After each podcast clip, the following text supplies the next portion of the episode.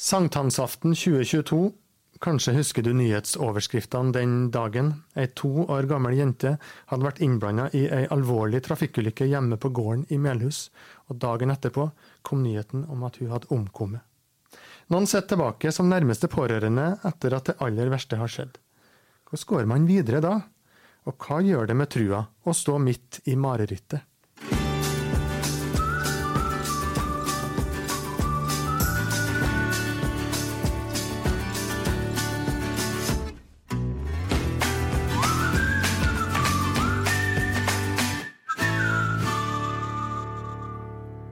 Annele Vik, god dag til deg. Hei. Du, det var dattera di, Vilma, på to år og tre måneder, som omkom denne torsdagen i 2022. Mm. Det har gått drøyt ett og et halvt år siden den forferdelige dagen. Hvordan har tida vært etterpå? Den har jo omfavna mye, da. Mm. Mye ukjent. Og vi har nå gått eh, ett og ett skritt i starten, og så kanskje begynt å komme på en plass som det går Det flyter litt mer nå, mm. etter ei stund, ja. Mm. Du skal få fortelle den historien nå etter hvert, men helt kort kan du si sånn innledningsvis hva det har betydd for trua di? Det fikk seg jo en prøvelse på et vis. Mm. Eh, absolutt. Men det var også veldig trygt og godt å ha noe eh, å klamre seg fast til mm. og um, hvile i. Mm. Så for min del så ble det en plass som jeg kom nærmere Gud, egentlig. Mm. For du har vokst opp uh, i Børsa, Anneli, mm. med en familie der tru, som du sier, på Gud var en del av hverdagen? Ja, vi hadde, det var ikke noe tvil om hva mine foreldre trodde på, og vi var, var, med på en del ting som, som hadde tro i seg, kan du si. Leir og, og på, var på bedehuset og var med på forskjellige ting. Um, og så var det ikke sånn at de prakka det ned over hodet på oss, så vi, vi fikk lov til å velge sjøl mm. eh, i stor grad. Men det var det var en del av hverdagen, ja. Mm. Hvordan tru vil du si at dere ble presentert for i heimen?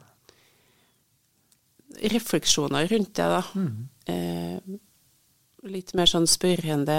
Eh, fortelle om hva de hadde opplevd, altså mine foreldre. Eh, hva de trodde på. Og så fikk vi velge sjøl. Så det var en, eh, en Jesus-nær og kjærlig tro, vil jeg si, da. Mm. Absolutt. Mm. Mm. Hvilket bilde hadde du av Gud? Kan du huske på noe av det? Ja, det er et godt spørsmål. Jeg tenkte jo han som en kjærlig far, da. En, mm. Eh, en far som ga uendelig kjærlighet. kjærlighet mm. eh, og ikke noe sånn dømmende eller eh, lovgivende, sånn sett. Mm. Så, eh, når du har et godt farsbilde sjøl, så så var det enkelt å relatere seg til på en måte en himmelsk far som, som er god, da. Mm. Mm. Du snakka om at dere fikk reflektere over det her på egen hånd. Kan du huske på noe tidspunkt i oppvekst, ungdomstid, at det her blir ditt? Ja, jeg var nok eh, sikkert eh, kanskje det søskenet som var litt sånn fra og til på forskjellig vis eh, opp igjennom, men, men eh, jeg var med på Tennoase, en tante og onkel som tok med oss eh, som barnevakt, egentlig. Eh, og så fikk vi vært med på et møte, jeg og storesøstera mi. Eh, det var Da kjente jeg skikkelig liksom kjente Den hellige ånd under huden. Det husker jeg veldig godt. Under noen lovsang på Tennoase. Jeg husker hvordan jeg sto òg, men jeg husker ikke sang eller noe annet. Men jeg husker mitt eh, til stede værende, da. Mm. Hva var det du kjente på da? Husker du det? Jeg kjente på en veldig sånn uh, god følelse. Uh, en fred og um, glede. Mm. og kjente på at det var noe magisk, da. Mm. var du sikker på at det her er Gud? Ja, var det. Mm. mm. Du har fortalt meg at du etter hvert studerte medisin mm. i eh, Tyskland, og at du mm. kom tilbake til Norge som turnuslege, og etter hvert da fikk kontakt med Mikael mm. eh, via ei kristen nettdatingside, var ikke sånn? Jo. en, han var jo en merittert snowboardkjører fra Malvik mm. eh, da. Dere hadde første date i Vassfjellet. Ja. eh, Dere gifta dere året etterpå. Og så har du sagt at deretter så leka dere sammen. Hva betyr det?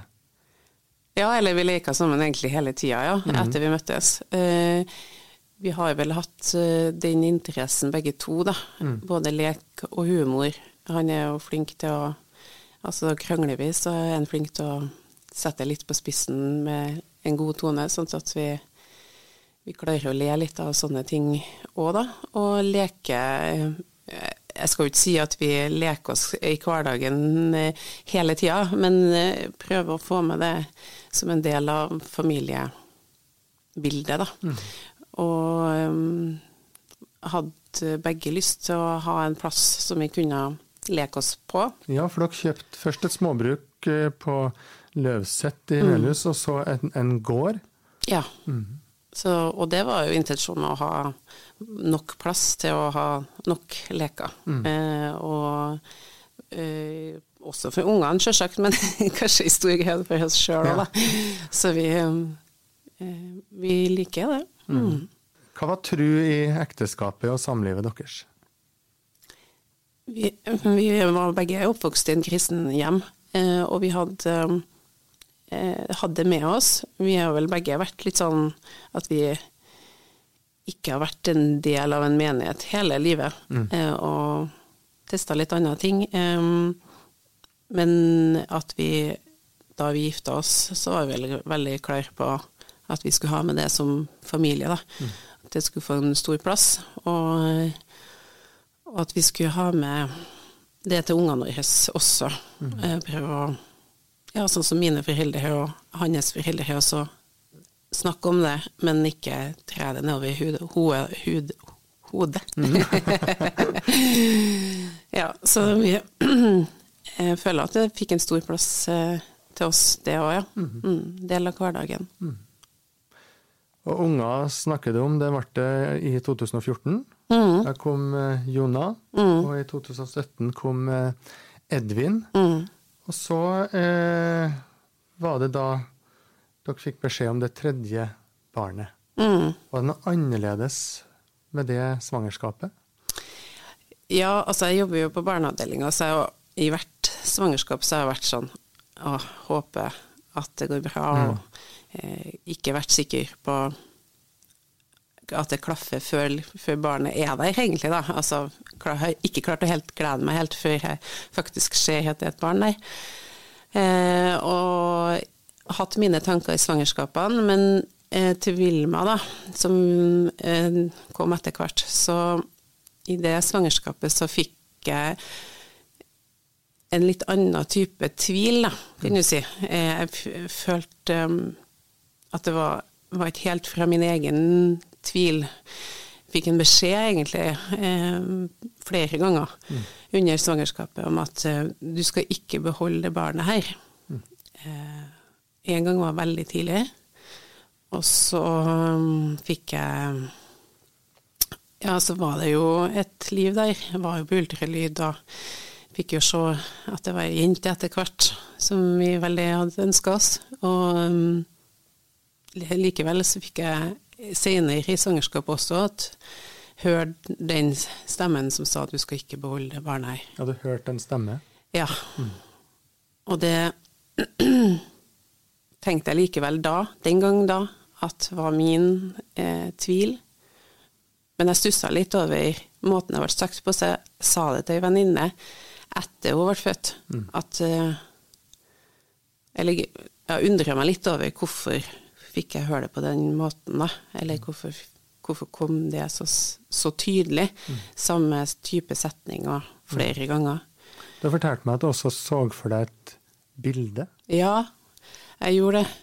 Um, det var tre rundinger, eller det var to, da, som jeg liksom tolka som at var guttene mine, med, med som var fylt inni, hvis du skjønner hva jeg mener. Altså at det ikke var en sirkel, men at det var en, en runding. Og så kom det en, en til, men som var tom inni. Eh, og så var det også en fjerde mm. Som var fylt inni, som gjorde at jeg tenkte at kanskje jeg mister den Altså, jeg tenkte ikke i etterkant av at barnet var født, nei, men jeg tenkte under svangerskapet. Kanskje jeg mister den nummer tre, mm. men så klaffer det med en til, da, mm. tenkte jeg.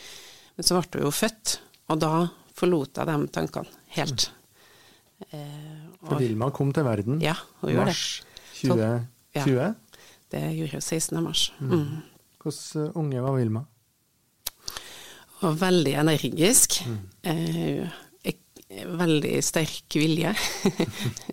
Vi sa 'ville Vilma med vilje', så, eh, så hun var, var veldig mye liv i henne, altså. Gledde seg over eh, stort og smått. Og veldig forelska i storebrødrene sine, men hun tok gjerne en fight med dem også. Mm.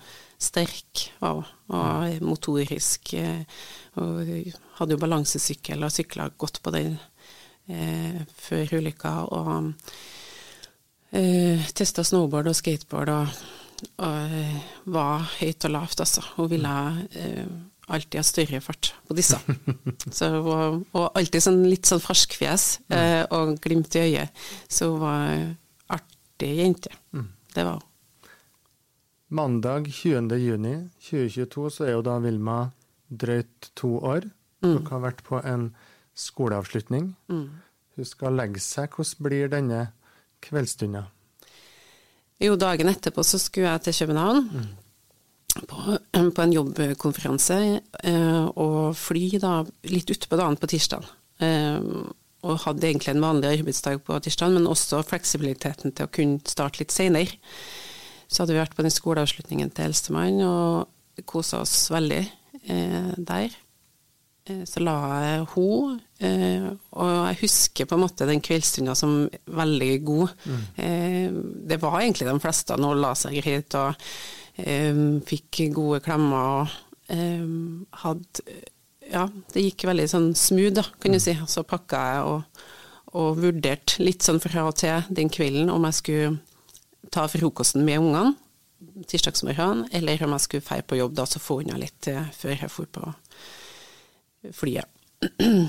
Og da valgte jeg å, å feire på, på, jobb, mm. eh, av den grunn at jeg var helt eh, fylt opp, mm. som jeg kaller det. var, var, veldig Jeg kjente at kjærlighetstanken var helt full, mm. eh, og tenkte at da skal jeg jeg skal heller ikke ødelegge det med en litt sånn surmulende frokost eventuelt, men det var også fordi at jeg tenkte at det er en fin plass, og da kan jeg drar noen dager bort nå også, så kjenner jeg at jeg, har, er metta på mm. kjærlighet. Så det var med gode følelser at du dro til ja. København? Mm. Mm. Det var første turen fra henne, og det var jo litt spesielt i og med at det var covid og sånn, og vi hadde, jeg og Vilma hadde et veldig tett eh, forhold i starten, naturlig nok. Det var få besteforeldre som kunne holde, og, og Mikael måtte ha guttene, som var veldig aktive, mm. og er aktive, men så da ble vi var veldig tett, så, så hadde det ikke vært noe mye bort fra henne, da. Men eh, det så jeg ikke noe mørkt på da, nei. Mm. Og tenkte at, eh, tenkte at eh, nå har jeg nok av mine barn. Mm. Altså ikke, det hørtes jo mm. nesten negativt ut, men jeg hadde nok kjærlighet da, mm. fylt opp. Mm. Så tanken var full, den. Mm. Og så kommer jo da denne torsdagen, mm. sankthansaften, da det forferdelige skjer hjemme på gården, at Vilma blir innblanda i ei traktorulykke. Ehm, du er i København. Hva mm. husker du fra den dagen? Jeg hadde telefonen min på lydløs, sånn at uh, vi hadde jo lunsj sammen, en, vi nordmenn som var der. Og uh, da hadde jeg ikke kikka på telefonen. Uh, og det var sol, husker jeg. Ganske varmt. Og så gikk jeg på do for å ja, gå på do, og, og så sjekka jeg telefonen samtidig. Eh, og da var det mange ubesvarte pluss en melding fra Mikael. Fordi at han ikke nådde meg, så tror jeg han så at han måtte bare sende en melding, da. Om at uh, Vilma var overkjørt. Han må ringe, da. Og da ringte jeg, og da satt han i, i politieskorte på vei til sykehuset da, for å komme seg fort dit.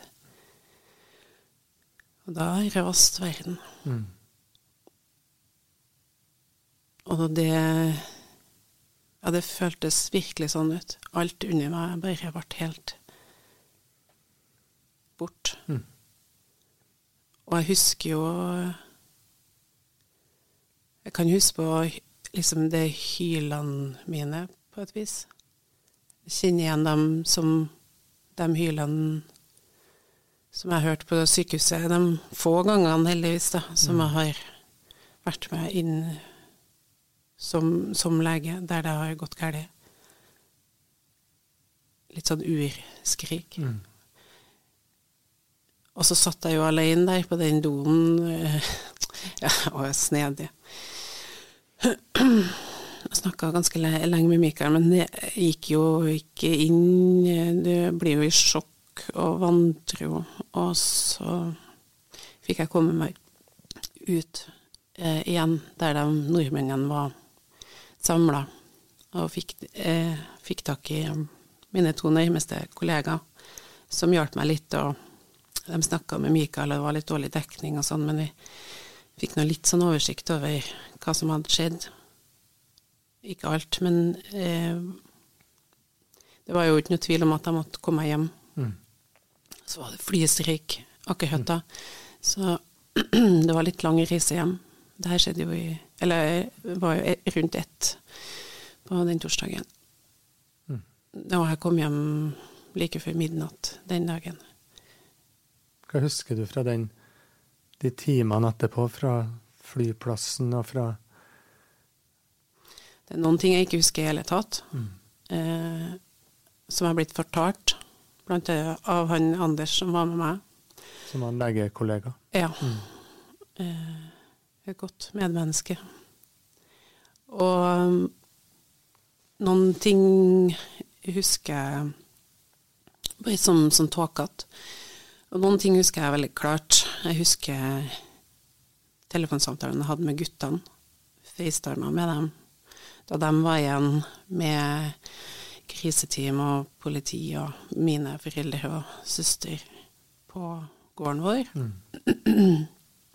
Snakka med dem. Og tror jeg var ganske rolig da. Eh, husker noen av samtalene som jeg og han Anders hadde på flyplassen. Der han blant annet eh, ba, ba meg holde fast i trua mi, Mm. husker jeg han sa til meg. Eh, og eh, husker noen av telefonsamtalene med Michaela mm. underveis der. Fordi det, man hadde jo et håp For det første så visste jeg jo ikke helt akkurat hva som hadde skjedd. Og så har du et håp eh, ganske, Det er ganske sterkt, det håpet, altså. Eh, så sjøl om eh, jeg skjønte at det var en alvorlig ulykke, så tenkte man at det kunne jo gå, gå bra. Mm. Eh, og jeg hadde en, en, en formening om at jeg skulle komme meg hjem, da. Eh, først i starten, i hvert fall. Mm. Eh, og så skjønte jeg jo underveis at eh, det her går veldig, veldig dårlig. Mm. Og veldig rart å sitte på en flyplass i et loungeområde og i sjokk og jeg, jeg, Folk må jo ha skjønt at det sto på noen ting. Mm. Men det tenkte jo, jo ikke jeg på, selvfølgelig. Klarte å komme meg hjem eh, takket være Anders, da, som er både i jobbsammenheng og på den reisa der jeg har kalt litt sånn, sånn kaptein, Mm. med livbriller. Og så eh, fikk jeg vite at det ikke kom til å gå før jeg satte meg på flyet. Mm. Og så eh, på grunn av målinger som de gjorde på sykehuset. Og så etter jeg landa, da, så fikk jeg høre at hun var død. Så har jeg gjort meg mye tanker om hvordan, om hvordan det hadde vært å fått møtt henne før hun døde, eller vært der i hele tatt, da, mm. underveis. Eh, men på et vis så tenker jeg at eh, for veien videre, så for, bare for min del, da, så tenker jeg at det er enklere å komme tilbake til jobb. Ja, for hun var rett og slett på avdelinga der du jobber ja. til daglig? Mm. Og blant mange av mine kollegaer som var der, da. Mm. For å på en måte ha en viss distanse til Eller den trengte distansen man kanskje har da, som mm. en jobb eh, som lege. Så tror jeg kanskje det var viktig at, at jeg ikke var der. Mm. Og for hennes del Altså, hun hadde Mikael der, og hun hadde verdens beste eh, helsepersonell, mm. i mine øyne. Og jeg visste at hun var i trygge hender, men jeg skulle gjerne vært der for Mikael. Mm. Og der for eh, guttene sin del. Mm. Du snakka om at uh, tro på Gud, en tro på Gud som er til stede, hadde vært en del av livet ditt. og livet til mange av dine venner og familier. Og mm. så skjer det her. Og da gikk det jo ut meldinger, SMS-er, Messenger, om at folk måtte be til Gud om at det måtte gå bra med Vilma. Mm. Hva tenker du om det? Ja, Omfanget av det har jeg ikke hørt før i etterkant, da. og mm. ganske lenge etterpå også. Um, sånn at jeg har ikke Jeg skjønte ikke da, at folk faktisk gjorde det. Eh, så vet jeg jo at vi har på en måte et, et stort nettverk rundt oss som, som eh, var med oss da, og like etterpå. Men at det var så mange eh, som var involvert i hele Norge, og også altså massen av det, kan du si. Mm. Det var ikke jeg klar over. Det føles jo veldig godt ut. Hva slags tilbakemeldinger har du fått fra dem som var med i denne aksjonen for å be til Gud den ettermiddagen? Litt forskjellig. Um, har jo fått hørt helt konkrete ting også. Og to av dem fikk jo en beskjed. Eh, ene, ene personen har vi snakka med, andre person fikk vi et brev, for vi kjenner ikke henne i hele tatt. Sånn at hun sendte oss et brev litt sånn i etterkant og um, fortalte om hva hun hadde fått høre da, under bønn og klokkeslett. Eh, og begge dem har fått høre at hun er her hos meg. Mm. Mye tidligere tidspunkt enn hun døde. Sånn klinisk. Mm. Og det gjenspeiler jo litt det som vi, og for så vidt de anestesilegene jeg snakka med etterkant, òg, uh, tenker at hun døde på gården. Mm. Som gjør at jeg også ved det syns at det var, det var ikke viktig for meg å være der akkurat eh, på sykehuset mm. når de jobba mm. som hardest. Mm. Bønna til Gud den ettermiddagen var jo at det skulle gå bra mm. med Vilma. Eh, det kan jo virke som at Gud ikke svarte på den bønnen siden det gikk så galt. Ja. Og vi har gjort oss noen tanker om det, hva, hva hvis det hadde gått bra i mm. våre øyne. Mm. Hadde vi hatt det inntil i rullestol, da, uten språk og mm. uten latter. Ja. For skadene var så store? Ja. Mm. Og det er vel noe som hele familien min har reflektert over, at det, det så vondt ville jo ikke Gud oss. Mm. At vi skulle ha Eller også Vilma, da at hun skulle få et annet, så annerledes liv. Mm. Og så kan man jo lure på hvorfor skåner han ikke oss for alt, da. Mm. For det vet vi at han kan. Mm. Hadde du noen tanke underveis i det her marerittet, altså i, på turen hjem, når du kommer til sykehuset på på trua di da? Hvor Gud kunne være hen i alt det her? Jeg tror det var mer at jeg klamra meg fast det, til det jeg syns var bunnsolid. Mm. Så i etterkant så føltes det jo ut som at jeg klamra meg veldig til Mikael, og at vi bare falt i Guds sitt fang. Og, og sammen med guttene òg, på en måte. At det, vi, vi var så tett som mulig. Holdt oss fast, og så falt vi sammen. For dagen etterpå så starter jo da denne nye etappen i livet deres. Helt konkret så skal du først fortelle om det som har skjedd, til de to guttene som dere har, dem som eh, har mista søstera si. Hvordan var det? Det er det verste jeg har opplevd i hele mitt liv. Ekstremt vondt.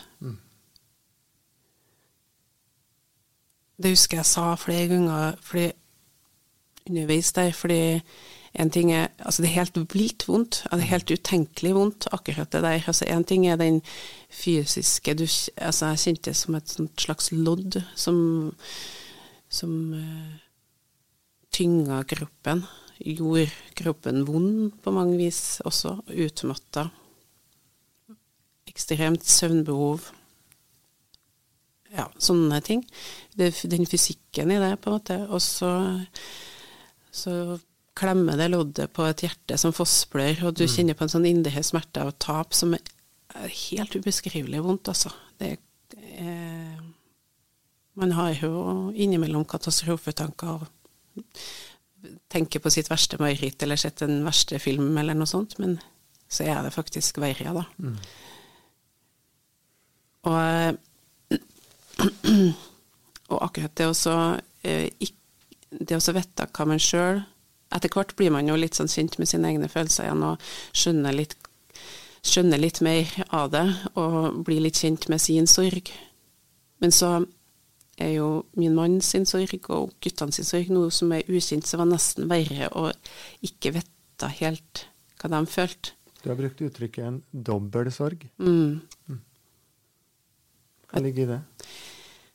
Nei, det er at jeg, de snakker jo om det som besteforeldre her, som mister barnebarnet sitt, og så har det vondt overfor sitt barn, som også har mista sitt barn. Mm. Um, og det er jo veldig forståelig.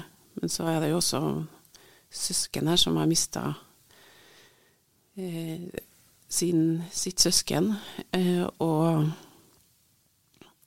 og kjenner på smerten til foreldrene.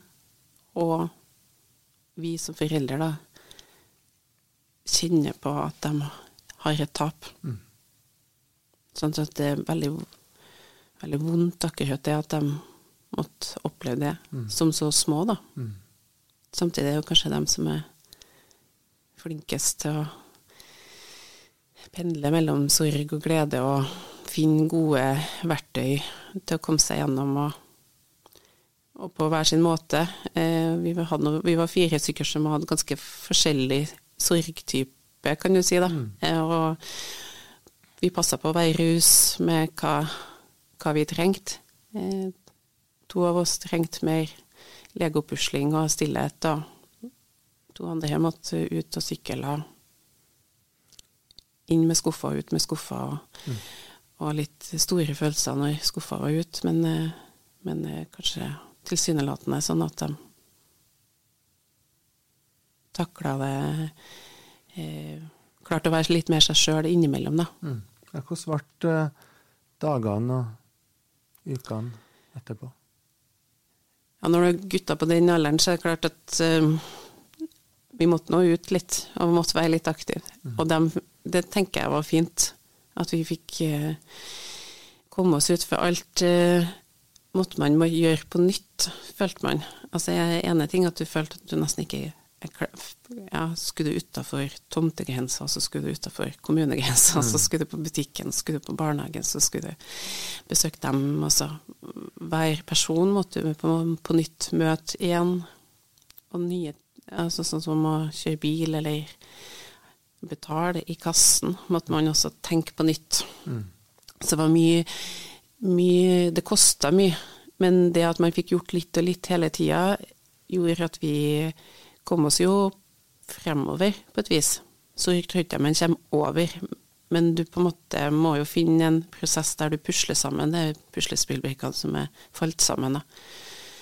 Og hvis man gjør det i ro og ett og ett steg, så virka det som for oss i hvert fall at vi, det gikk noe fremover, da. Mm. Og hadde, vi skulle jo i ferie den dagen. Eh, hadde sommerferie, for til Tønsberg, for til Trysil og sykla. Og hadde sommerferie. Og han minsten sa jo det på slutten av sommerferien at det, ja, det var jo bare fire-fem uker etter Vilma døde. Så sa han at eh, vi har hatt en skikkelig fin ferie, sånn. Og det er veldig rart. Mm. Så kom en korreksjon der med, til noen at ja, det, den var veldig fin, utenom det at Vilma døde. Mm. Og det er litt sånn som vi har preget oss helt til nå òg, da, og sikkert kanskje vil gjøre videre, at det er veldig vondt, men så er jo livet veldig fint, da. Prøvde å bevare det gode. Mm. Og jeg tenker at akkurat når det dras i de to ytterpunktene, du har det veldig vondt, eller altså livet ditt omfavner et eller annet som er veldig vondt, men klarer å dra det helt til det veldig gode, så blir, det, blir livet veldig rikt og veldig fint. Ei side av denne historien er jo at Vilma omkom i ei traktorulykke, og det var din mann, Mikael, som kjørte traktoren. Mm. Han ble eh, sikta i etterkant òg. Mm. Hvordan, eh, hvordan var det, midt oppi all sorgen? Ja, helt Altså akkurat første sekundene jeg hørte det, så, tenk, så liksom håpa jeg på at det var en slags morbid eh, spøk. Mm. Og da mener jeg at jeg helt sikkert også har kjent sinne, på en måte. Eh, blant annet alle andre kaosfølelser der. Eh, og så ble det ble det så viktig for meg å, å klamre meg fast til det som jeg syns faktisk ikke eh, rast sammen, da. Og Mikael var jo en av dem Mm. tingene, eller kanskje det, en, en, det ene, Mm. som jeg følte eh, det her, eh, det her har en grunnmur da, som, eh, som jeg kjenner trygghet i, og kjenner meg stødig i. Så det var nok sikkert mye som gikk på automatikken, men, men jeg kjente jo ikke noe sinne etterpå. Og jeg leita etter det. Lurte på om det har vært der noe plass. For jeg tenkte det hadde vært en naturlig Mm. Han Ting. var sint på han som kjørte. Ja. Mm. Men det er jo mye at jeg tenker at eh, det kunne like så godt ha skjedd meg, eh, og at Jeg så jo hvor vondt han hadde. Sånt, og han er en veldig, veldig forsiktig mann med sånne ting. Mm. Og jeg kjørte oss land og passer på at guttene har på nok utstyr når de feirer fartøya. Så han eh, er den som egentlig har vært mest utenkelig at det kunne ha skjedd. Mm.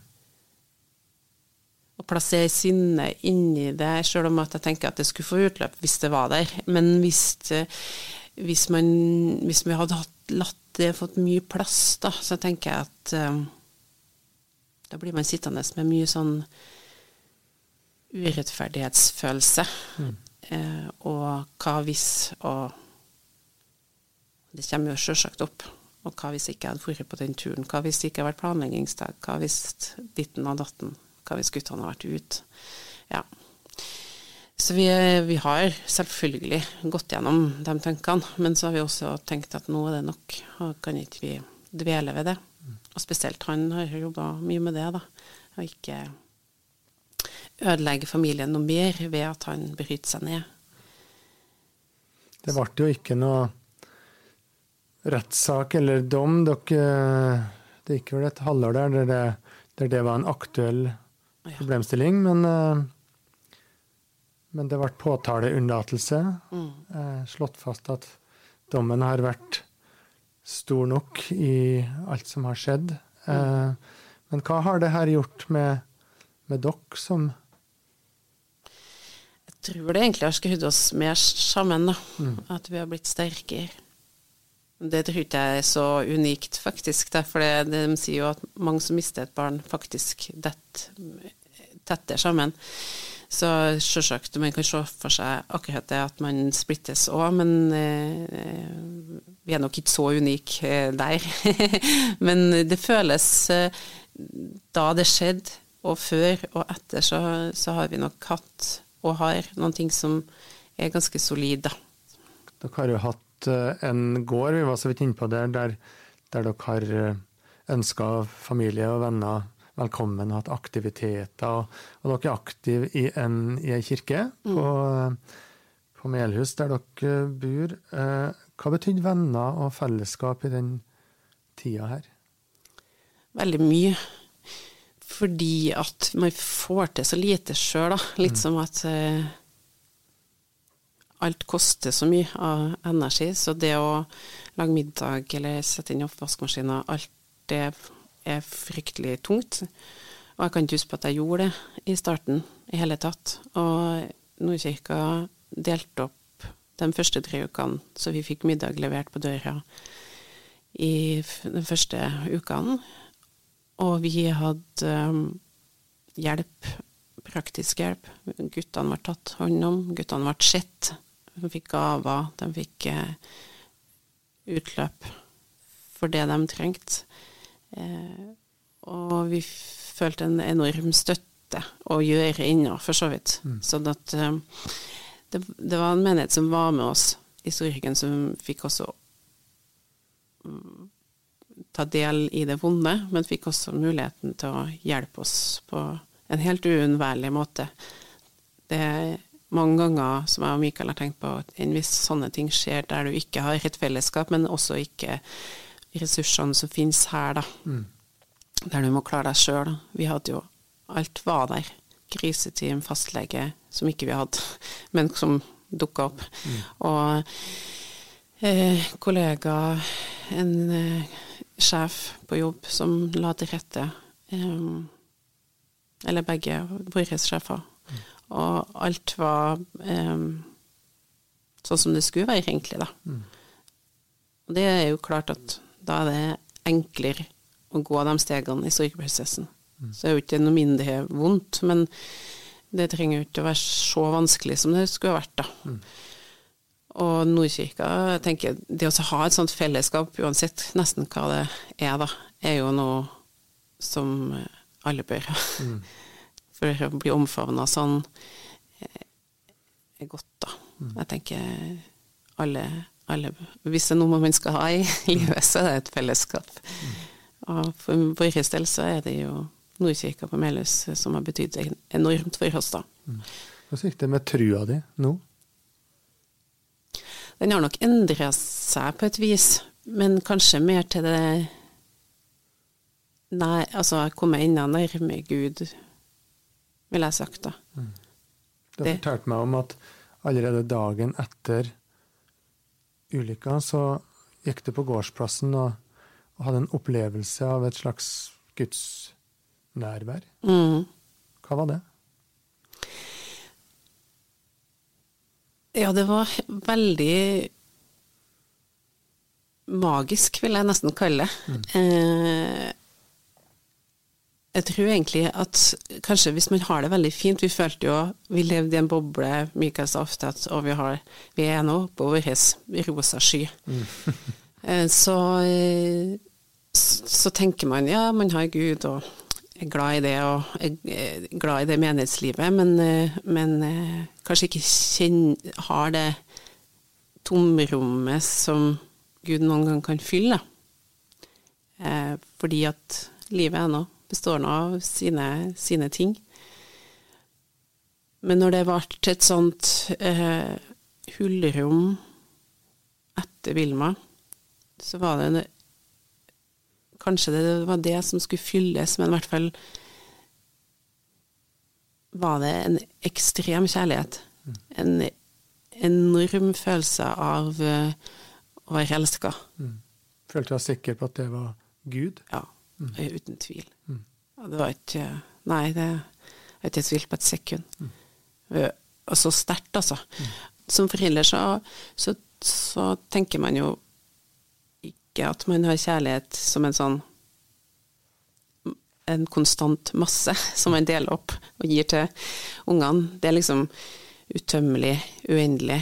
Um, så litt sånn sammenlignbart kan man jo gjøre det, men den er så sterk, den kjærligheten. Og det var jo helt tydelig at jeg fikk påfyll av noen ting som jeg trengte veldig da, og som ingen andre kunne gitt meg i det omfanget, da. Mm. Så det var veldig sterkt og veldig godt. Og jeg husker da, og jeg tenkte at det her skal vi klare, da. Ga meg et håp. Noen vil jo ha tenkt at nå var det naturlig å klage til Gud. Angripe Gud. Er, hvem er du som tillater det her? Ja, jeg har vel gjort det til en viss grad, kanskje. Så vet jeg jo ikke alt. Eh, jeg har mista jeg har ikke mista kontrollen, jeg har aldri hatt den, da. Men jeg visste Du tenker jo at kanskje man har hatt en grad av kontroll som man ikke har, da. Og selv om man ikke tror på en gud, så tenker jeg veldig lite man har kontroll over i livet. Så um, i starten der så altså, Du kan Mange kan kanskje se for seg et sånn trassig eh, barn som eh, ja, kanskje ikke vil kle på seg, eller ikke mm. får godteri i butikken. Som er utrolig frustrert og fortvila og helt um, hysterisk. Og så um, blir en sittende i et fang kanskje etter hvert, og får med litt den følelsesutmatta delen. Apatisk. Og sånn følte jeg meg veldig i starten. At du uh, inni meg At det svinga mellom de to ytterpunktene helt eh, apatisk og helt eh, tom for følelser. Og veldig hysterisk. Og så følte jeg at eh, jeg fikk det jeg trengte, sånn som en, et barn får. da, At det er noen som tar kontrollen. Mm. Trøster, mm. holder, eh, veileder, sitter på fanget. Eh, og det var mye av de følelsene som ikke hadde noe ord på hva, hva er det her for noen ting. Men eh, jeg følte at Gud var der, da.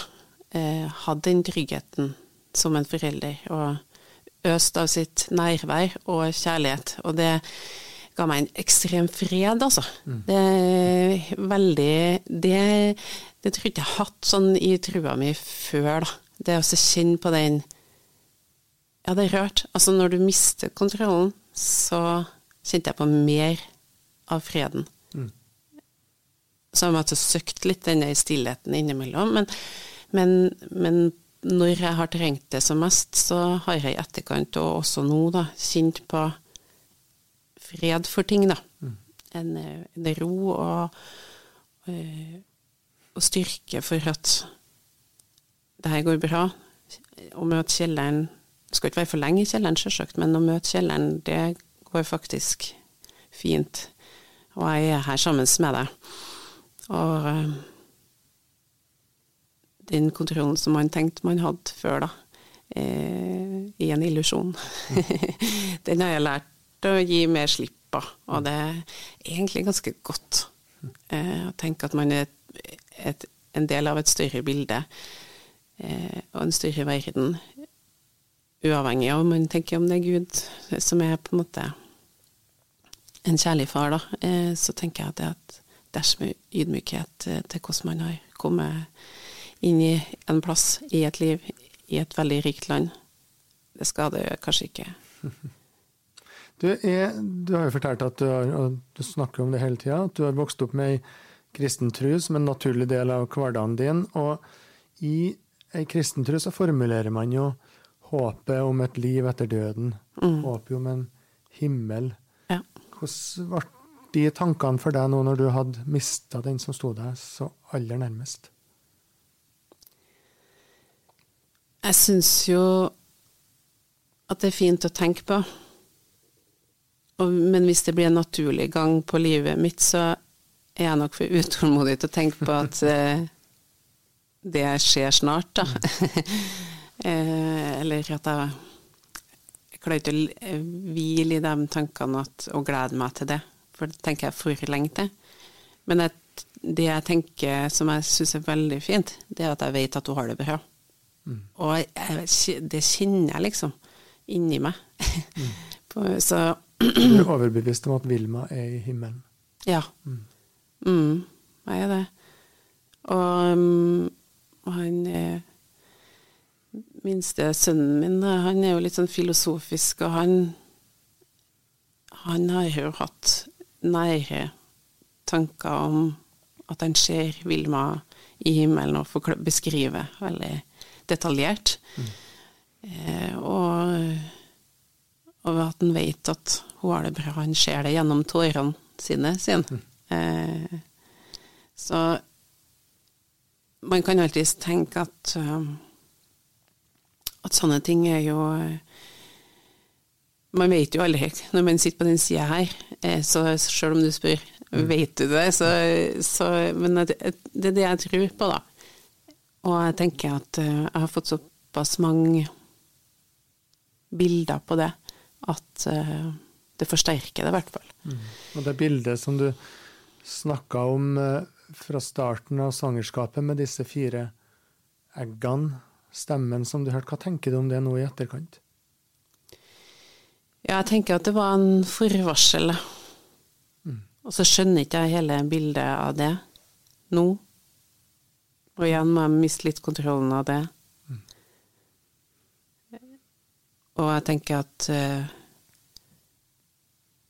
tenker absolutt ikke at det var noe mening med det, nei. Men at jeg på et eller annet vis skulle noe sånt skje, da.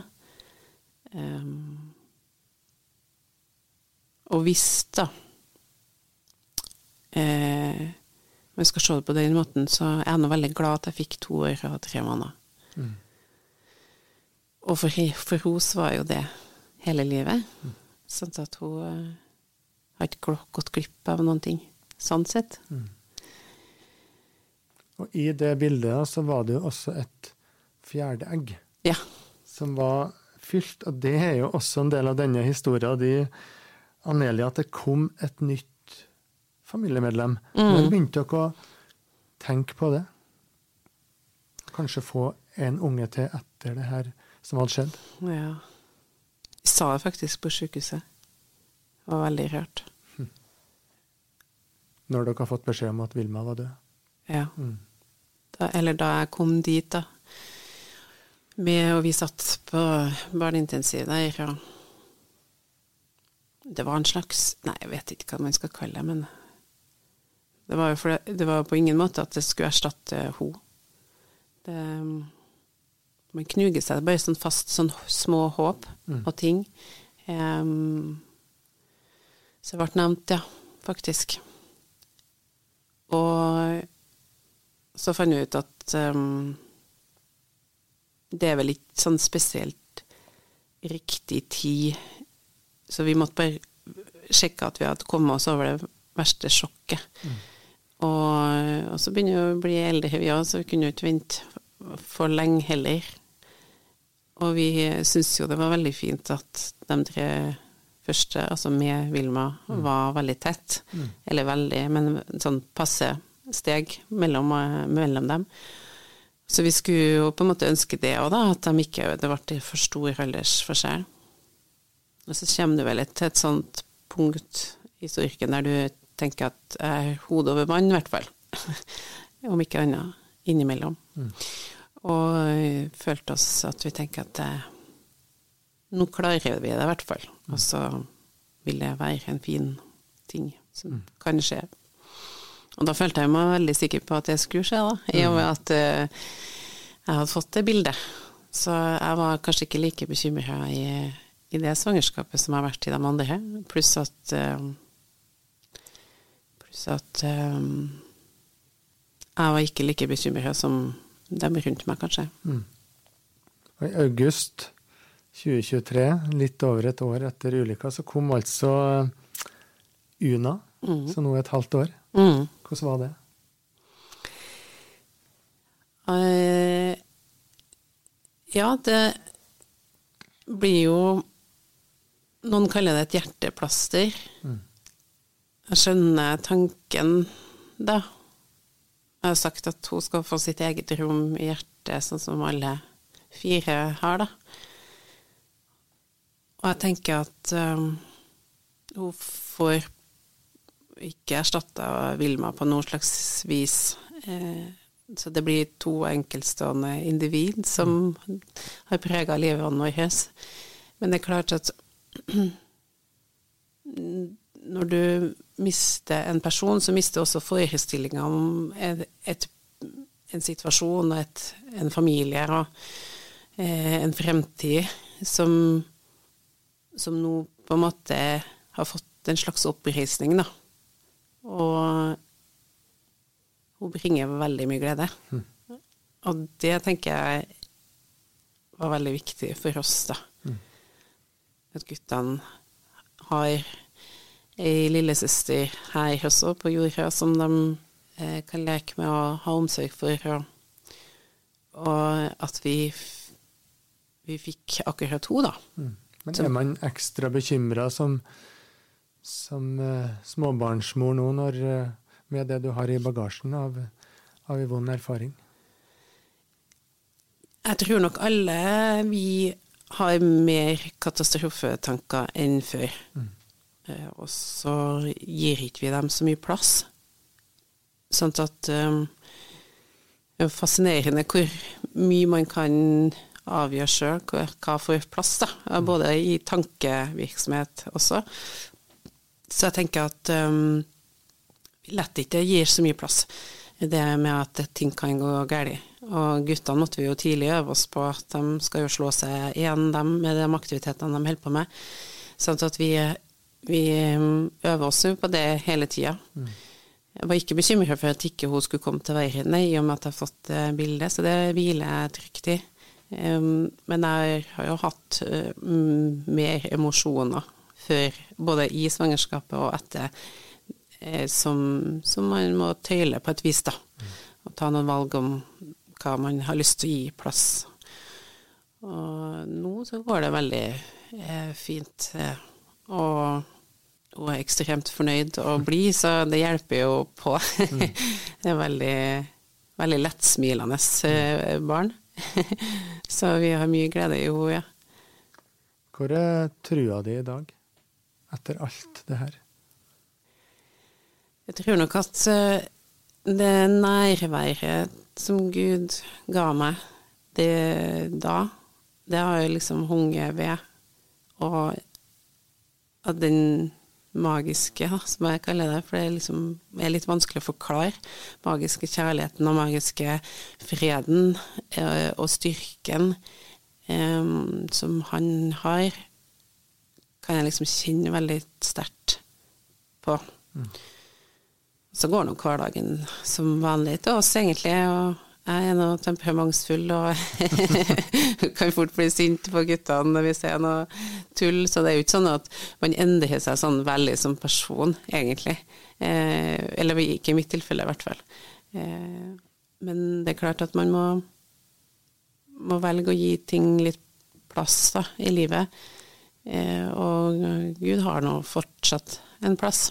Og veldig godt å kjenne på det nærværet det gir et håp som jeg tenker at eh, alle som er gjennom et sånt type tap, unner jo et, et, håp på et vis. håp om at livet her nå skal bli fint, men også et håp om at Vilma har det bra, eller den man har mista, har det bra, og også et håp om at man skal møtes igjen. Anneli Vik, tusen takk for at du deler historien din på Trua